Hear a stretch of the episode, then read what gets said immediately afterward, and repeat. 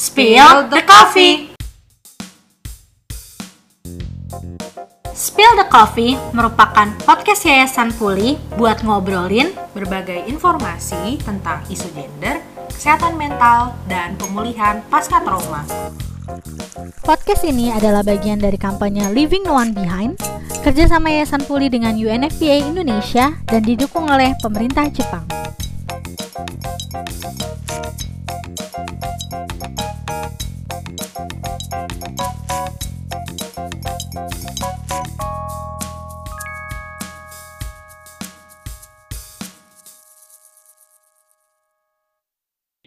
Semuanya, selamat pagi, siang, sore, malam di Spill the Coffee bareng Uci dan Ansya. Nah, hari ini kita udah mau bahas terkait hal yang lumayan cukup respons kita ini sebenarnya penting-penting semua. Mm -hmm. Kalau bisa sih jangan ada yang diloncat-loncatin, dengerin semua harapan kita sih semua didengerin hmm. ya. Hmm. Tapi kalau boleh aku highlight, teman-teman tadi kan Nansha hmm. bilang ini adalah akhir podcast kita. Bukan, maksudnya adalah akhir rangkaian podcast kali ini. Season hmm. kali ini. Jadi Season mungkin aja ke depannya ada lagi sih rangkaian podcast kita lagi. Mudah-mudahan. Hmm. Nah, hmm. tapi kalau Ansha tadi udah ngekilas balik nih, apa aja sih yang udah kita bahas di podcast-podcast sebelumnya. Tapi hmm. kalau diinget-inget ya, rata-rata semua narasumber-narasumber kece kita tuh selalu bilang kalau mulai dari diri diri kita sendiri nggak sih Sa? Mm -mm. Baik itu itu ya, maksudnya mm. aku tuh inget banget sih kalau kata-katanya Kameti yang educate yourself. iya benar banget. itu benar-benar merasa tertampar gitu gitu loh karena sebelum lebih untuk ngebantu ke orang-orang ya first kita dulu gitu loh Ci. Ya gak sih? Mm -mm. Iya benar-benar. Jadi kayak fokus aja di diri kita dulu mulai dengan educate yourself karena ketika kita semakin paham, kita nanti bisa lebih paham nih diri kita udah paham nih. Hmm. Jadi kita paham, baru kita ke circle terdekat kita, keluarga, teman, baru deh kita tenggelam lagi ke dalam circle yang lebih luas, masyarakat misal. Mm -mm. Itu nggak sih, Sa? Mm -mm.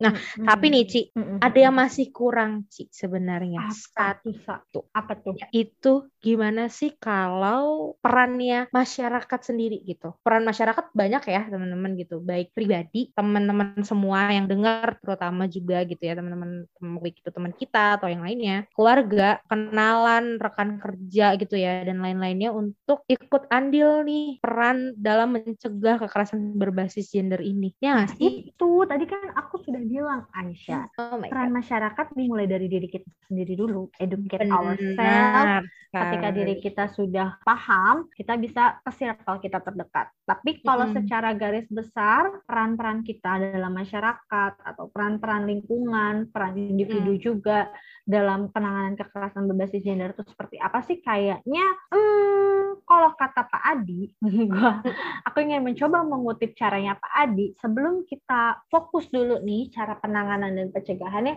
mungkin kita harus lihat dulu sak kondisi di lapangannya tuh kayak gimana hmm. kalau teman-teman pendengar tahu dan Ansya juga mungkin tahu gitu lah ada beberapa hal yang nggak bisa kita lupakan dari kekerasan berbasis gender di masyarakat itu adalah paling utama stigma hmm mm Ya nggak sih? Coba deh, Ansya, aku mau nanya deh, ada nggak sih Sa, beberapa stigma yang Ansya pahami terkait kekerasan berbasis gender di masyarakat itu sendiri? Mungkin ya, stigma yang masih beredar atau masih berkeliaran gitu ya, hmm? sama teman-teman. Ini nggak sih kalau kalau semua tuh di catcalling, itu paling sederhana banget. Hal kecil, hmm. hal kecil banget. Menurut aku ya, itu itu bentuk nyata yang sering banget kita temuin. Kayak misalkan gak jauh deh, misalkan tetangga lo lagi dibenerin gitu ya rumahnya gitu, atau ada yang bangun rumah kan ada abang-abang gitu ya gitu. Mm-mm. Nah, itu kita lewat gitu misalkan kalau sekolah pas kalau jujur aku pernah ngalamin itu sih Ci. Jadi yang kayak lagi lewat terus pasti dipanggil tuh, "Ade, mm-hmm. mau ke mana, Ade?" kayak gitu. Mm-hmm. "Assalamualaikum cantik, sendirian aja, mau ditemenin nggak?" kayak gitu-gitu loh. Itu kan mm-hmm. tapi ketika kita pengen apa ya? Ada beberapa stigma yang muncul gitu Ci. Kayak di mana bisa jadi kayak muncul kalau kita cerita gitu ya ke mm-hmm. orang tua orang tua misalkan kayak aku tadi digituin sama abang-abang sebelah kayak gitu. Ah biasa aja kayak gitu loh. Itu yang itu nggak tahu sih itu masuk ke stigma nggak ya Ci? Kayak maksudnya membiarkan itu loh gitu untuk hal tersebut. Ataupun juga kayak ya kamunya sih pakai bajunya misalkan ya gitu. Kamu pakai bajunya yang seksi sih ya seksi dalam artian kayak pakai baju kebuka terlalu kebuka banget jadinya kamu mm-hmm. dia digodain sama itu abang-abang itu sih menurut aku sih itu yang bener, bener. aku boleh bilang itu hal kecil nggak ya tapi kayaknya nggak boleh sih gimana ya Enggak dong jadi kayak itu tuh dimulai dari hal-hal yang kelihatannya kecil sebenarnya iya itu sangat berpengaruh banget dan mm-hmm. kalau boleh kita ingat-ingat juga nih sa dari mm-hmm. beberapa narasumber yang kece-kece banget kemarin itu banyak loh mm-hmm. yang ngasih informasi terkait stigma-stigma yang ada di masyarakat contohnya terkait lansia ingat nggak sama oh, Pak Adi, Pak Adi kemarin ya. uh-uh. kita itu selalu menstigma bahwa lansia itu kaum lemah kaum rentan gitu mm-hmm. di mana mereka uh, didiskriminasi dianggap sudah tidak ber dianggap sudah daya tidak, iya tidak berdaya terus dianggap sebagai beban dalam masyarakat karena mereka sudah melewati masa produktifnya kayak gitu kan itu juga mm-hmm. termasuk salah satu stigma kan sehingga mm-hmm. mereka menjadi rentan terus abis itu ada juga dari ibu ibu Nurul ya ibu Nurul iya hmm. dari Sabda dari Sabda nah kalau dari ibu Nurul nih kalau Aisyah ingat ngomongin terkait uh, disabilitas teman-teman disabilitas itu juga mereka kena stigma yang kuat loh kayak misalkan hmm. contohnya kondisi kamu saat itu dia adalah disabilitas intelektual gitu berarti hmm. dia dianggap tidak berdaya dan ketika dia mendapatkan kekerasan ya dianggap ya udah angin lalu aja gitu loh bener-bener yang kemarin yang udah dibahas sama Ibu Nurul kemarin hmm. yang dari Sabda iya ya sebenarnya tuh kayak dari hmm. dari kita dari awal pun kayak sampai di akhir hmm. pun itu banyak loh stigma-stigmanya masih yes, ada bertebaran bener. gitu maksudnya masih ada masih melekat hmm. masih melekat kayak gitu makanya memang jujur ya kalau dari aku sendiri hmm? gitu ngehnya kalau kita tuh jadinya perlu tahu dulu root itu loh yang Pak Adi tuh Ci akar-akar masalahnya kayak gitu iya dan juga harus melihat dari kedua sisi kedua sisi itu gitu jadi kayak kita nggak bisa tuh langsung nyeleneh aja kayak gitu ah iya dari satu hmm. sisi aja gitu itu sih mudah-mudahan juga dengan bisa berkurang ya maksudnya dari kita podcast podcast ini gitu stigma-stigma yang masih ada melekat di masyarakat at least berkurang gitu hopefully kalau berkurang sih mudah-mudahan kita masih berharap ya tapi at hmm. least dari para teman-teman yang dengar sendiri dari teman-teman hmm. semua pendengar spill the coffee dari Uci hmm. dari Ancanya juga kita paham bahwa itu adalah stigma yang melekat di masyarakat iya benar-benar dan itu bukan sesuatu yang karena itu stigma sesuatu yang sudah menyebar jadi dianggap benar padahal itu sama sekali nggak benar. Hmm, benar sih kayak Iya banyak ya mendiskriminasi pun juga sama sih mm-hmm. kayak membeda-bedakan yang tadi kita uci untuk benar-benar yang disabilitas benar pun juga benar. lansia juga kayak kemarin kan kalau Pak Adi aku ingat banget sih yang Pak Adi kayak sebenarnya lansia tuh nggak cuman ini doang loh kayak dikunjungin aja sama atau dikasih apa sih sembako kayak gitu-gitu mm-hmm. loh sebenarnya mereka benar. tuh ada kebutuhan yang lain dan hak-hak yang mereka yang sebenarnya belum diberikan gitu iya karena benar banget kayak karena masih ada yang namanya kalau kita lihat lagi nih kan kalau kata Padi bahwa roots of the problems itu different. Ya mm -hmm. roots of the problem tuh beda-beda gitu kan. Mm -hmm. jadi akarnya aja tuh udah beda-beda. Penyebabnya juga pasti beda-beda dong kenapa ada stigma ini kenapa ada stigma itu pasti ada penyebab yang beda-beda mm -hmm. contohnya nih ya dari mm. lingkup terkecil kita kan tadi kan kita berusaha untuk mau nanya nih gimana sih cara peran masyarakat yang pertama mm. educate ourselves dulu baru kita ke lingkup terkecil yaitu keluarga teman, baru kita nyemplung di lingkup yang lebih besar yaitu masyarakat hmm. luas gitu. Tapi kadang ya, Sa, kalau Ansya mungkin tahu ya, kadang nih, kadang saya tidak menyebutkan contoh-contoh tertentu, tapi keluarga saya gitu kan, atau keluarga di sekitar Ansya mungkin yang masih hmm. mempra mempraktikkan peran-peran gender, Sa. Hmm. Contoh, hmm. contoh ya, hmm. kayak bapak bekerja, ibu memasak, kayak gitu loh. Hmm. Terus Itu, walaupun hmm. walaupun ibu bekerja, ibu tetap harus memasak masak karena kodratnya ibu mau masak kayak gitu loh Iya. Yeah. Dan itu juga mulai dari keluarga kan jadi kayak kita udah paham nih, kita udah teredukasi, tapi ketika keluarga kita ternyata mempraktikkan hal-hal yang di transgender yang terbatas gitu loh, yang kayak mm. tadi gue contohin, itu mm. mungkin kita juga agak bingung ya bagaimana mengedukasinya. Tapi kan balik lagi, ini lingkup terkecil kita, jadi kita yang paling paham lingkup itu gitu. Mungkin kita bisa mm. selip-selipin edukasi dikit, kirim-kirim video atau materi-materi atau link dari konten-konten Instagram Yayasan Pulih biar stigma-stigma itu berkurang dari keluarga kita sendiri. Gitu nggak, Sa? Mm-mm. Atau mungkin Ansya ada tips-tips lain yang bisa dilakukan gitu, Sa? Sebenarnya aku aku bukan tips sih. Aku juga kayak nge juga gitu kalau yang menambahkan tadi kan kalau Uci kan ceritainnya adalah kondisi di keluarga ya di lingkup keluarga gitu. Sebenarnya di lingkup masyarakat pun juga ini kita masih membahas ya masih di lingkup stigma dan si diskriminasi ini gitu ya. Uh, roots of the problem kalau yeah, kata Adi. problem roots of the problems gitu ya yang akar sekali gitu. Mm -mm. itu tuh juga keinget gak sih kayak misalkan ada perilaku dari dari kekerasan yang berbasis gender yang ada ini juga dilakukan sama pelaku yang tidak dianggap penting gitu loh sebenarnya. Contohnya kayak gitu, mau kayak misalkan rekan kerja yang hmm. macam-macamnya gitu. Tapi kayak misalkan dengan kalimat-kalimat verbal yang sebenarnya itu tidak membuat kita nyaman gitu. Mungkin dari atasannya kan ada ya berita-berita kayak gitu ya, Ci gitu kan. Tapi kegambar kan ya, Ci.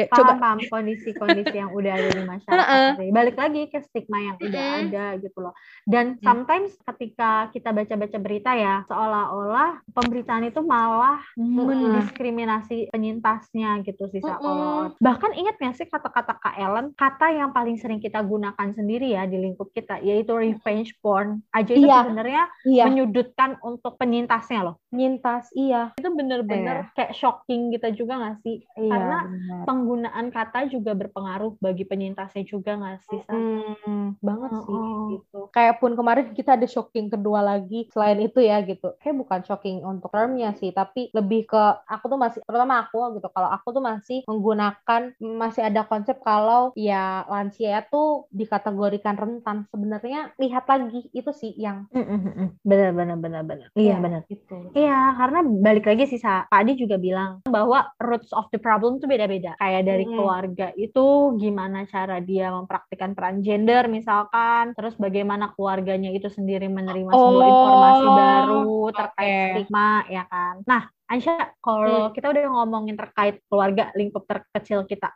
mm-hmm. Link, selanjutnya gue mau nanya terkait lingkup yang dari dulu kita masukin selain keluarga. Sekolah. Bener banget. Sekolah ya, itu yang sih. kayak lu melek melek bangun tidur nih, uh-uh. langsung yang pertama kali lu inget apa? Oh iya ke sekolah nggak sih? Uh-uh. Walaupun yeah. mungkin sekarang kondisinya can relate ya karena kondisi COVID di mana harus online, tapi at least kayak sekolah itu adalah lingkup kedua kita yang kita masukin. Oke okay lah pertemanan, tapi kan kamu mendapatkan pertemanan itu besar juga dari sekolah kan. Uh-uh. Kayak wajib belajar aja berapa tahun sih, Sa? Wajib 12? kayak 12, 12 12, 12, 12. Oke, okay. wajib belajar aja 12 mm. tahun. Di situ 12 tahun lo harusnya mendapatkan informasi terkait kehidupan ini kan. Iya. Ya kan, terkait ilmu-ilmu dan terkait mm. kehidupan bagaimana. Tapi sometimes lo ingat gak sih, Sa, kalau di sekolahan itu kita sering kali malah nggak tahu apa itu kesetaraan gender. Iya. Iya ya.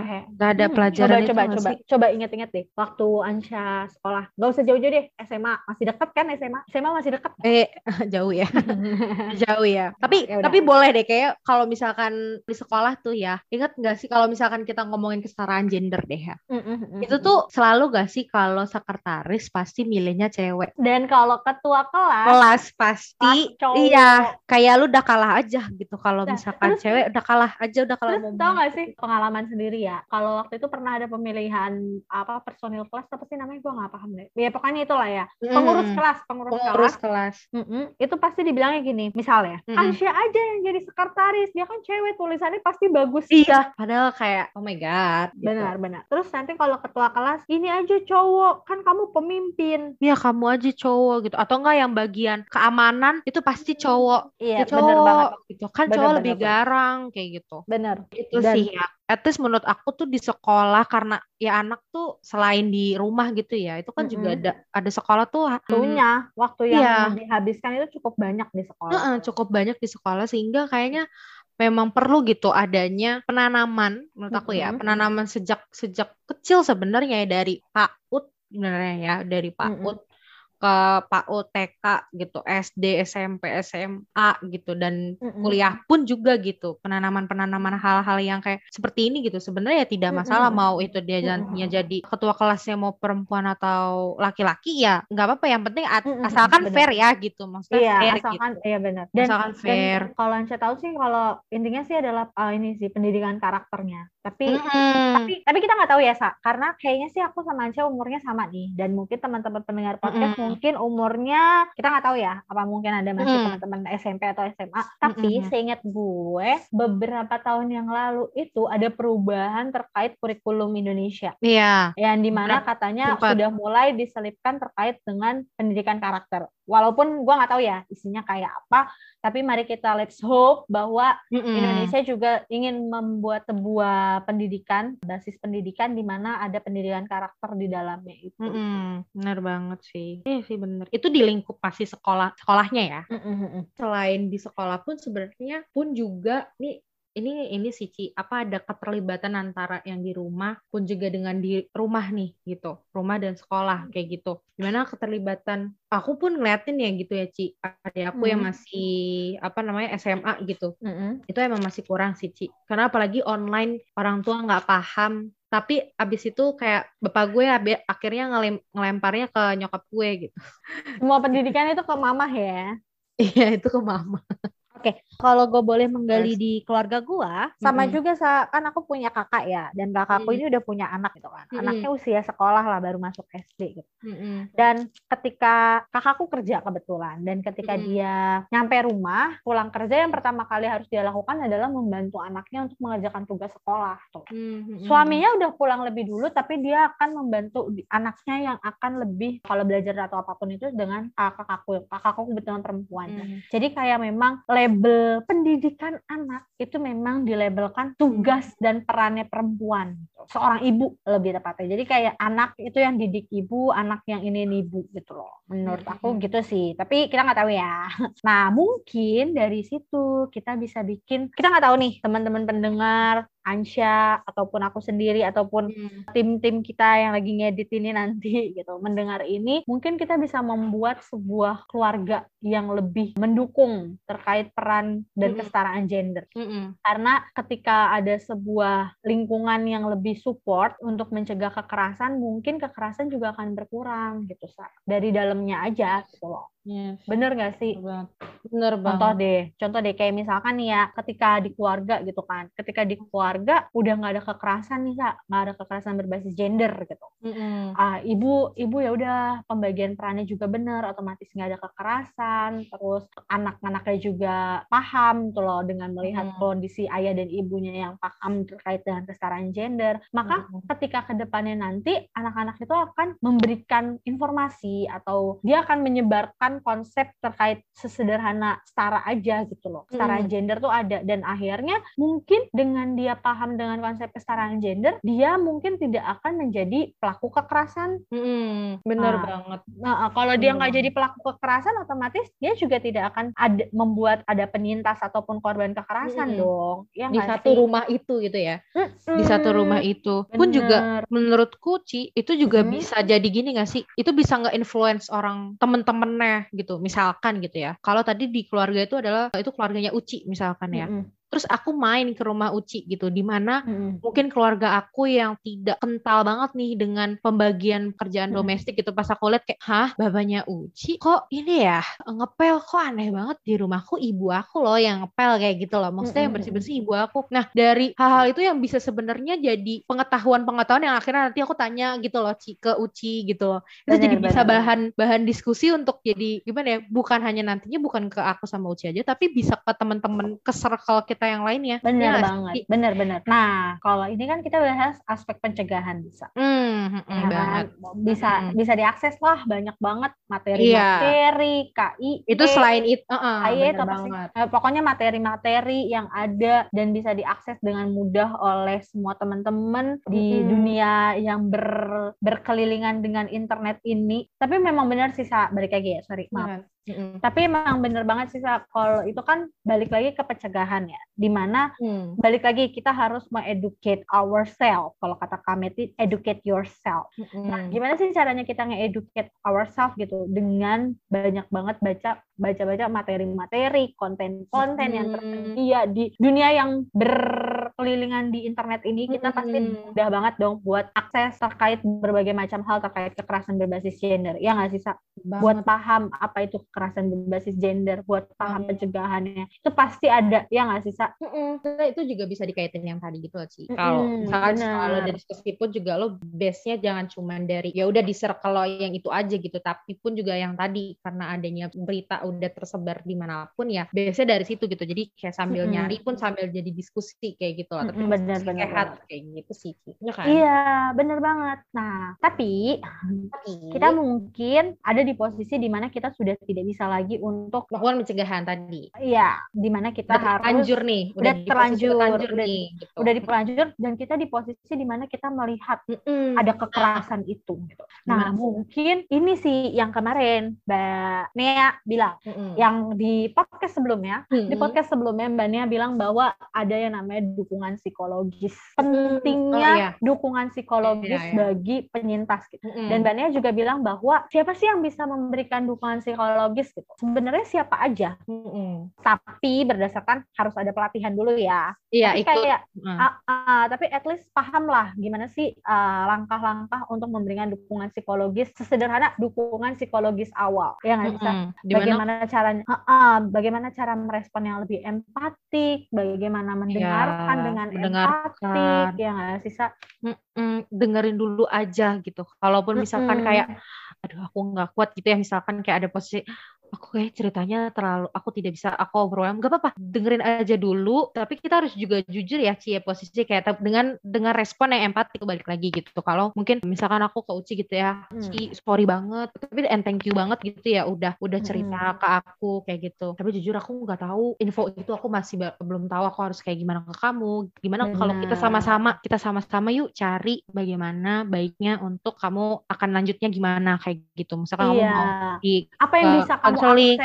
Iya benar. Nah, aku temenin deh, aku dampingin itu yang bisa aku lakukan nih. Nah, ah, itu sih dilihat lagi. Gitu. Oh, benar-benar. Dilihat lagi kebutuhan hmm. yang Mbak Nia bilang tadi ya di podcast sebelumnya itu terkait hmm. empat pintu layanan yang sebenarnya bisa diakses oleh penyintas. Nah. Kita sebagai pendamping kayak temennya yang mendampingi hmm. itu kita mungkin bisa memberikan informasi terkait akses-akses yang tersedia. Hmm. Dan Mbak Nia di podcast sebelumnya juga ada informasi ini aksesnya apa aja sih Sa? Coba Anca sebutin. Tuh, ada empat ya, teman-teman. Ada mm. hukum, terus ada kesehatan mental, ada mm -hmm. kesehatan medis fisik. gitu ya, mm -hmm. fisik gitu. Kalau misalkan memang rumah sakit dan lain-lainnya gitu. Sama mm -hmm. terakhir. Yang terakhir adalah keamanan dan keamanan dan perlindungan gitu. Yes. banget. Oh. Jadi kalau kalau misalkan uh, teman kita cerita dia mendapatkan kekerasan berbasis gender gitu, let's say mm -hmm. dilecehkan gitu ya. Mm -hmm. Nah, kita tanya bisa tanyain dulu setelah kita memberikan respon yang empatik kita juga hmm. sudah mendengarkan dia mungkin kalau kita nggak tahu nggak apa-apa kita semua manusia kalau kita nggak tahu bagaimana meresponnya dengan benar ataupun kita takut untuk merespon dengan benar hmm. kita bisa rujuk dia ke empat layanan tadi dilihat kebutuhannya hmm. dia pertama apa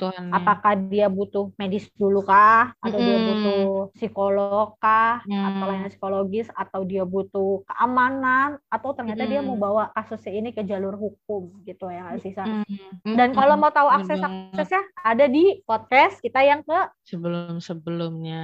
Iya, benar banget. Dan disesuaikan hmm. juga apakah uh, ada keterbutuh kebutuhan terkait disabilitas juga, lansia hmm. atau apa pun itu bisa didengerin di podcast, podcast kita sebelumnya. Gitu. Benar banget. Eh, tapi Ansya ngomongin terkait dibawa ke ranah hukum ya. Ansya, hmm. congratulations undang-undang TPKS akhirnya, akhirnya sudah disah. Bener. akhirnya disahkan. Kenapa sih kita teman-teman penyedia layanan, kenapa sih teman-teman yang membahas isu-isu terkait kekerasan berbasis gender ini senang banget sih? Kenapa? Kenapa undang-undang TPKS ini disahkan nih kayak kayak sebuah angin segar gitu buat kita? Iya, benar banget. Ya karena itu sebuah keikutsertaan akhirnya gitu loh ya, keikutsertaan hmm. pemerintah bentuk gitu. Bentuk pemerintah tuh memastikan kalau masyarakatnya dia nih gitu ya, hmm. itu mendapatkan kebijakan yang adil gitu, baik itu gender dan juga pencegahan dan penanganan kekerasan kasus ini ke kasus kekerasan berbasis gender ini yang udah mm melekat ini gitu loh, mengakar ini gitu. Bener gitu. banget. Salah satu bentuk-bentuknya adalah ini gitu loh, pemerintah mm -hmm. gitu. Jadi salah satunya ya gitu. Mungkin mm, benar, benar. udah ada gitu kan mungkin dari penyedia layanannya mm. gitu. Nah, sekarang mm. undang-undangnya nih jadi buat anak hukum kayak wah yes. yes kita ada jadinya landasannya mungkin, gitu. Jadi ada tambahan teman gitu ya.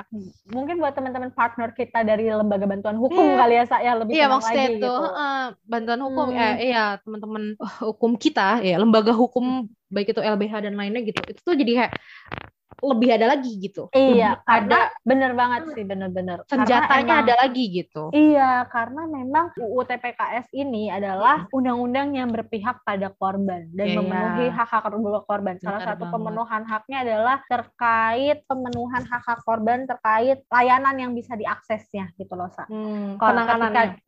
benar terkait penanganan korban, terkait layanan yang bisa diakses korban dan pemulihan, layanan terkait pemulihannya hmm. sih. Ini penting banget banget karena kadang kita fokusnya ke pelaku, hukum pelaku, hukum dia gitu. Tapi kita lupa hmm. bahwa ada korban yang merasa oh my god, saya baru mengalami sesuatu hal yang buruk dan saya ingin pulih gitu loh. Mm-hmm. Tapi gimana? Dia nggak tahu aksesnya dan di UU TPKS ini hak-hak korban untuk pemulihannya itu berusaha untuk dijamin. Bener nggak sih? Mm-hmm. Terharu deh gue. Sekali lagi congratulations yeah. karena kita sudah nggak jadi R lagi, tapi sudah menjadi undang-undang TPKS. Undang TPKS. Tepuk tangan semuanya. Nah, dari situ pun menurutku ya Ci, jadinya tuh bisa juga nih adanya peningkatan pengumpulan data nasional nggak sih? Dan ini tuh bisa mendukung untuk salah satunya ya gunanya jadi mengidentifikasi kelompok rentan bagaimana kondisi-kondisi mm -hmm. mereka pun juga untuk advokasi yang lainnya kebutuhan-kebutuhan ah. yang lainnya.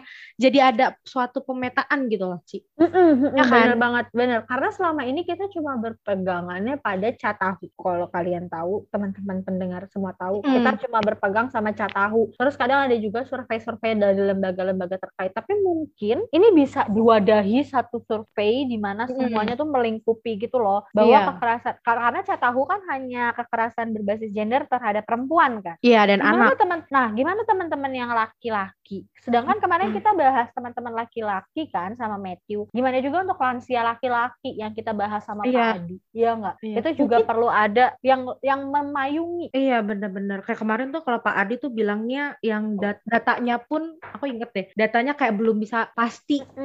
Benar benar benar. Nah, mungkin dari salah satunya dari pengesahan undang-undang TPKS ini jadi meningkatnya plus juga jadi ada suatu upaya pengadvokasian untuk si uh-uh. sistem I don't know data ini tuh terintegrasi gitu loh satu sama yes. lain gitu. Benar Hopefully ya, banget. ya. Hopefully iya, ya pemerintah. jadi saling berjejaring, jangan uh-uh. cuma kita aja nih para lembaga-lembaga yeah. yang berjejaring, uh, tapi data-data ini juga saling berjejaring yang akhirnya akan membuat bener. sebuah peta layanan akses yang bisa di yeah. peta layanan yang bisa diakses dengan mudah oleh penyintas maupun pendampingnya sendiri. Iya, benar banget. Dan kalau tahu kan kita kan sekarang balik lagi ya, dunia kita berputar pada internet ya kan? Yes. Kita pada internet gitu. Tapi mungkin bisa juga nih kita hmm. untuk untuk lebih aktif lagi kitanya dalam menggunakan internet. Jangan cuma kayak aku, jangan cuma kayak aku nih saat ini yang cuma kerjaannya scrolling-scrolling aja, tapi kita hmm. juga bisa bikin konten-konten yang lebih edukatif terkait kekerasan berbasis gender itu sendiri. Karena kan kita udah educate ourselves nih. Mm -hmm. Kita sendiri ini udah teredukasi. Berarti kita mm -hmm. harus mengedukasi teman-teman lain dengan apa? Kita menggunakan internet. Ayo dengan kita main tok-tok, kita main tok-tok, kita bikin yang konten-kontennya terkait kekerasan berbasis gender atau kita buat di Instagram ya kan. Twitter, Twitter jangan cuma buat spill the tea, tapi bisa juga buat share spill the coffee. Ya hmm. nggak sih, Sa? Udah diduga sih bakal ngomong spill the coffee.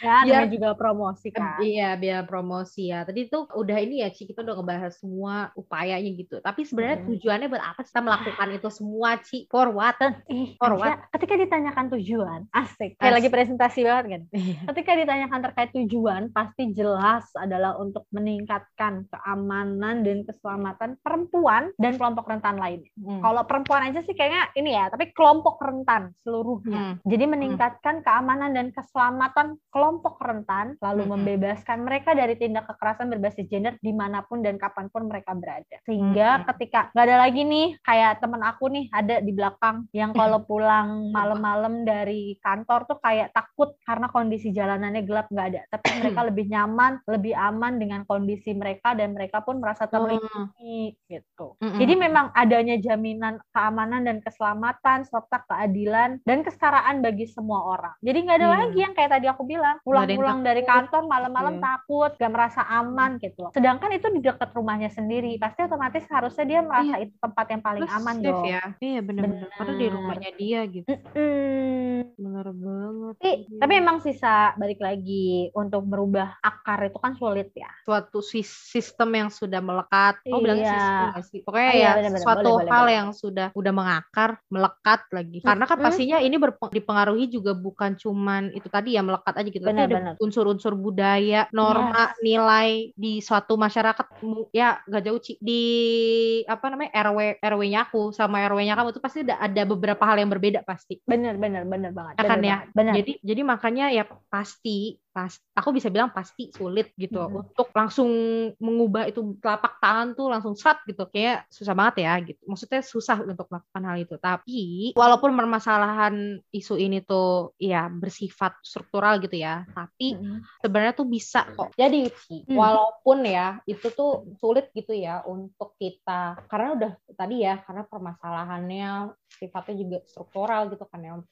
kekerasan berbasis gender ini gitu kan hmm. tapi sebetulnya tuh sebetulnya tuh kita bisa melakukan si masyarakat utama kita, Uci atau teman-teman yang lain mm -hmm. gitu ya, bisa kok melakukan pencegahannya. Itu hal benar. yang utama sih sebenarnya. Kita dari kemarin tuh ngomongnya pencegahan pencegahan karena kayak ini memang dilakukan benar, benar. banget dilakukan sama teman-teman gitu. Pertama nah, tadi. karena karena selain itu Ansya, kenapa sih pencegahan itu paling penting untuk dibahas? Hmm. Karena kalau kata dokter juga dibilang lebih baik mencegah daripada teh mengobati. Iya, kan. Benar. Jadi lebih baik preventif, teman-teman Jadi kenapa dan dan kalau Iya daripada rehabilitatif gitu karena ya benar. Ya, kita belum tahu akan pemulihannya itu sampai kapan itu pasti panjang banget. Iya. Pasti panjang banget. Bener banget. Dari Mbak Nea juga bilang kan bahwa ketika ditanya pemulihan tuh butuh berapa lama sih Mbak? Nggak pasti. Karena Nggak manusia pasti. itu sesuatu yang nggak pasti dan ada yang lebih panjang, ada yang panjang banget, tergantung. Iya, tergantung. Dan itulah kenapa pentingnya kita mencegah pencegahannya. Yes. Iya. Yaitu pencegahannya paling pertama apa sih, Sa? Pencegahannya adalah uh, kita nggak pernah bosan-bosan untuk menggunakan kata-kata ini. Terima kasih Kak Matthew telah menginspirasi kita educate mm -hmm. ourselves. Ourselves itu pertama mm -hmm. bukan yourself tapi ourselves. Jadi mm -hmm. diri kita dulu deh sendiri gitu tentang yeah. apa itu kekerasan, gimana kita bersikap tadi kalau misalkan kalau ap, tentang apa itu kekerasan mungkin bisa dilihat lagi yang mm -hmm. dari apa Mbak Norida gitu ya yang pertama mm -hmm. itu tentang apa di hubungan yang romantis ya. Romantis. Ya, mm -hmm. romantis gitu kan. Terus juga ada lagi kekerasan berbasis gender di online. Kalau online bagaimana? Hmm. Wah itu itu lebih itu lebih kom, lebih kompleks lebih lagi. Kompleks lagi. Tapi iya. walaupun emang itu lebih kompleks, gak apa-apa teman-teman. Ya sehari minimal gitu. Misalkan gitu ya minimal. Coba deh baca-baca baca-bacanya kan dipulih,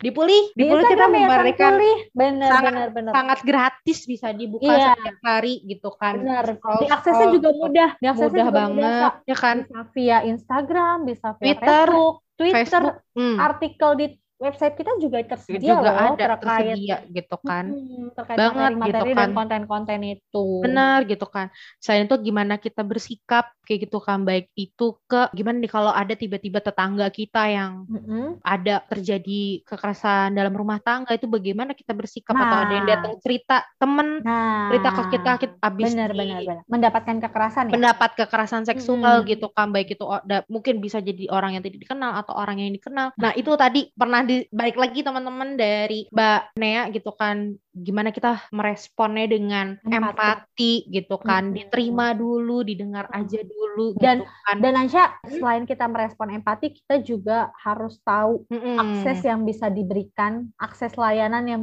layanan yang bisa diakses oleh si penyintas itu sendiri hmm, bener banget gitu kan karena sebenarnya layanan-layanan itu tersedia banyak loh, Sa. Tersedia ya banyak sih? banget. Hmm. Sebenarnya kalau teman-teman, ah di mana nih awal mula aku mencari itu? Gampang teman-teman. Coba buka aja cari layanan.com. Dah, buka di situ. Di situ ada tersedia empat pintu itu sama teman-teman. Ada tadi kalau misalkan empat pilarnya kayak tadi uh, hukum, hmm. keamanan, kesehatan mental dan juga kesehatan medis lah. Itu bisa teman-teman. Benar-benar. Itu. Kalaupun misalkan aku gak tahu ke mana, nggak apa-apa. Bisa di googling, cari di yayasan pulih juga bisa. Iya toh ah, teman untuk Tapi Ansya, Ansya, Ansya, hmm. tadi Ansya barusan bilang cari layanan.com. Dari kemarin hmm. kan kita kayaknya ngomongin mulu nih cari layanan.com. Hmm. Memang dia itu memberikan berbagai macam akses layanan nah, yang bisa diakses. Informasi ya, informasi ya. layanan yang bisa diakses dengan mudah oleh penyintas maupun pendamping. Nah, hmm. tapi Ansya, kalau aku baca ada salah satu artikel yang menarik dari cari layanan. Itu adalah sembilan cara bantu akhiri kekerasan berbasis gender. Yang satu adalah hmm. pertama dengar dan percaya korban, kedua hmm. dorong adanya lembaga layanan, hmm. ketiga pahami konsen, keempat itu penting. penting, keempat hmm. pahami tanda-tanda kekerasan, kelima hmm. buka ruang diskusi, keenam akhiri rape culture, ketujuh berdonasi ke organisasi hak hak perempuan dan lembaga layanan, kedelapan jadilah pengamat aktif. Dan kesembilan minta data untuk informasi lebih lengkapnya kalian bisa cek sendiri di carilayanan.com yes. biar kalian semakin teredukasi. Mungkin bisa hmm. juga cek di artikel-artikel Yayasan Puli juga banyak banget terkait yes. uh, kekerasan berbasis gender sendiri. Hmm. Lalu kayaknya kita udah berapa podcast sih? Udah sembilan ya? Sama ini berapa? Yes, udah jadi sembilan. Udah udah banyak, udah beberapa podcast yang kita lakukan, yang banget. kita ngobrol bareng para narasumber. bareng Iya benar. Para narasumber narasumber yang gue nggak bisa bilang berkali-kali bahwa narasumber kita sangat sangat kece, berkualitas, kece-kece banget, kece banget, dan membahas terkait kekerasan berbasis gender dengan lebih baik gitu, untuk membuka mata kita terkait materi yes. apa kekerasan berbasis gender. Kalau kalau teman-teman yang udah dengerin bilang, ih kok bahasnya ini mulu sih ini mulu, nggak apa-apa. Kita nggak akan pernah bosen. Kita nggak akan pernah bosen. bosen. Kita ulang terus, kita ulang iya, terus, kita ulang terus sampai akhirnya nih kalau kata orang itu ngelotok kayak udah ada di kepala banget gitu. Ya nggak sih, dan kalau kalau bisa dibilang kayak peran masyarakat balik lagi educate ourselves dan pahamin dulu. Benar. Baru ke lingkungan sekitar kita. Jadi sebenarnya kalau misalkan aku rangkum gitu ya Ci mm-hmm. dari podcast kita episode terakhir ini dari season terakhir ini mm-hmm. aku episode dari season terakhir ini. Ya benar. Karena episode nanti, terakhir dari season ini? Ya itu ya. Jadi sebenarnya kita pengen banget nih dari teman-teman semua pendengar dari udah denger yang pertama podcast kita yang pertama sampai akhirnya yang terakhir ini. Kita pengen banget ngajak teman-teman untuk lebih aware terkait kekerasan berbasis gender apa namanya konsepnya seperti apa jenis-jenisnya seperti apa bagaimana pencegahannya pun juga bagaimana penanganannya rehabilitatifnya juga bagaimana. Kayak gitu teman-teman. Benar-benar yeah. dan kalau boleh lagi sekali lagi bilang bahwa kita hmm. aku kamu Uci Ansya pendengar Spill the Coffee siapa pun bisa turut berperan dalam pencegahan dan penanganan kekerasan berbasis benar banget. Dan berperan perannya bisa dalam pencegahan dan advokasi lebih lanjut, membangun jaringan sosial bagi korban ataupun penyintas, dan merujuk korban dan penyintas pelayanan yang sudah tersedia. Yes, so, gitu. kita semua bisa untuk melakukan itu, dan kita semua mulai dari diri kita sendiri. Tapi ketika iya. kita ingin memulai dari diri kita sendiri, kita harus mengedukasi diri kita dulu. Dan buat aku pengen berpesan juga untuk para kalau misalkan ada teman-teman sama penyintas yang di sini juga mendengarkan dan bingung gimana sih gitu untuk mungkin untuk mencari bantuan itu seperti apa nggak apa-apa kita ada di sini. Dan buat teman-teman di luar juga ayo kita sama-sama berpihak kepada korban. Karena menurut aku itu salah satu bentuk empatinya kita untuk mendukung mereka gitu. Karena kayaknya kalaupun mereka untuk mencari bantuan aja tuh mereka mungkin kayak maju mundur ya gitu. Iya benar-benar benar gue ini nggak ya lapor nggak ya? Atau misalkan gue butuh gue ngomong nggak ya? Itu tuh suatu hal yang udah mereka tuh udah ini juga gitu. Nah, iya kan Mbak Nea juga bilang gitu. bahwa pola pikir hmm. mereka juga akan berubah ketika hmm. mereka menjadi penyintas. Bener banget gitu. Jadi makanya yuk teman-teman kita sama-sama berpihak pada korban. Dek lagi dengerin dulu gitu. Kita cermati aja dulu jangan langsung main judge kayak gitu. I got ini. No no no no. Ayo mulai merespon secara empatik. Jangan kayak ah dia baper. No no no. Yuk mulai kita refreshment lagi yuk teman-teman gitu. Jadi itu semua ya teman-teman dari aku dan Unci. Oke. Okay. So terima kasih banyak udah dengerin beberapa episode kita. Yep. Dan season kali ini Spill the Coffee bersama Uci dan Ansya. Sampai jumpa Selesai. di lain waktu. Bye bye. Bye. Dadah. Bye. Spill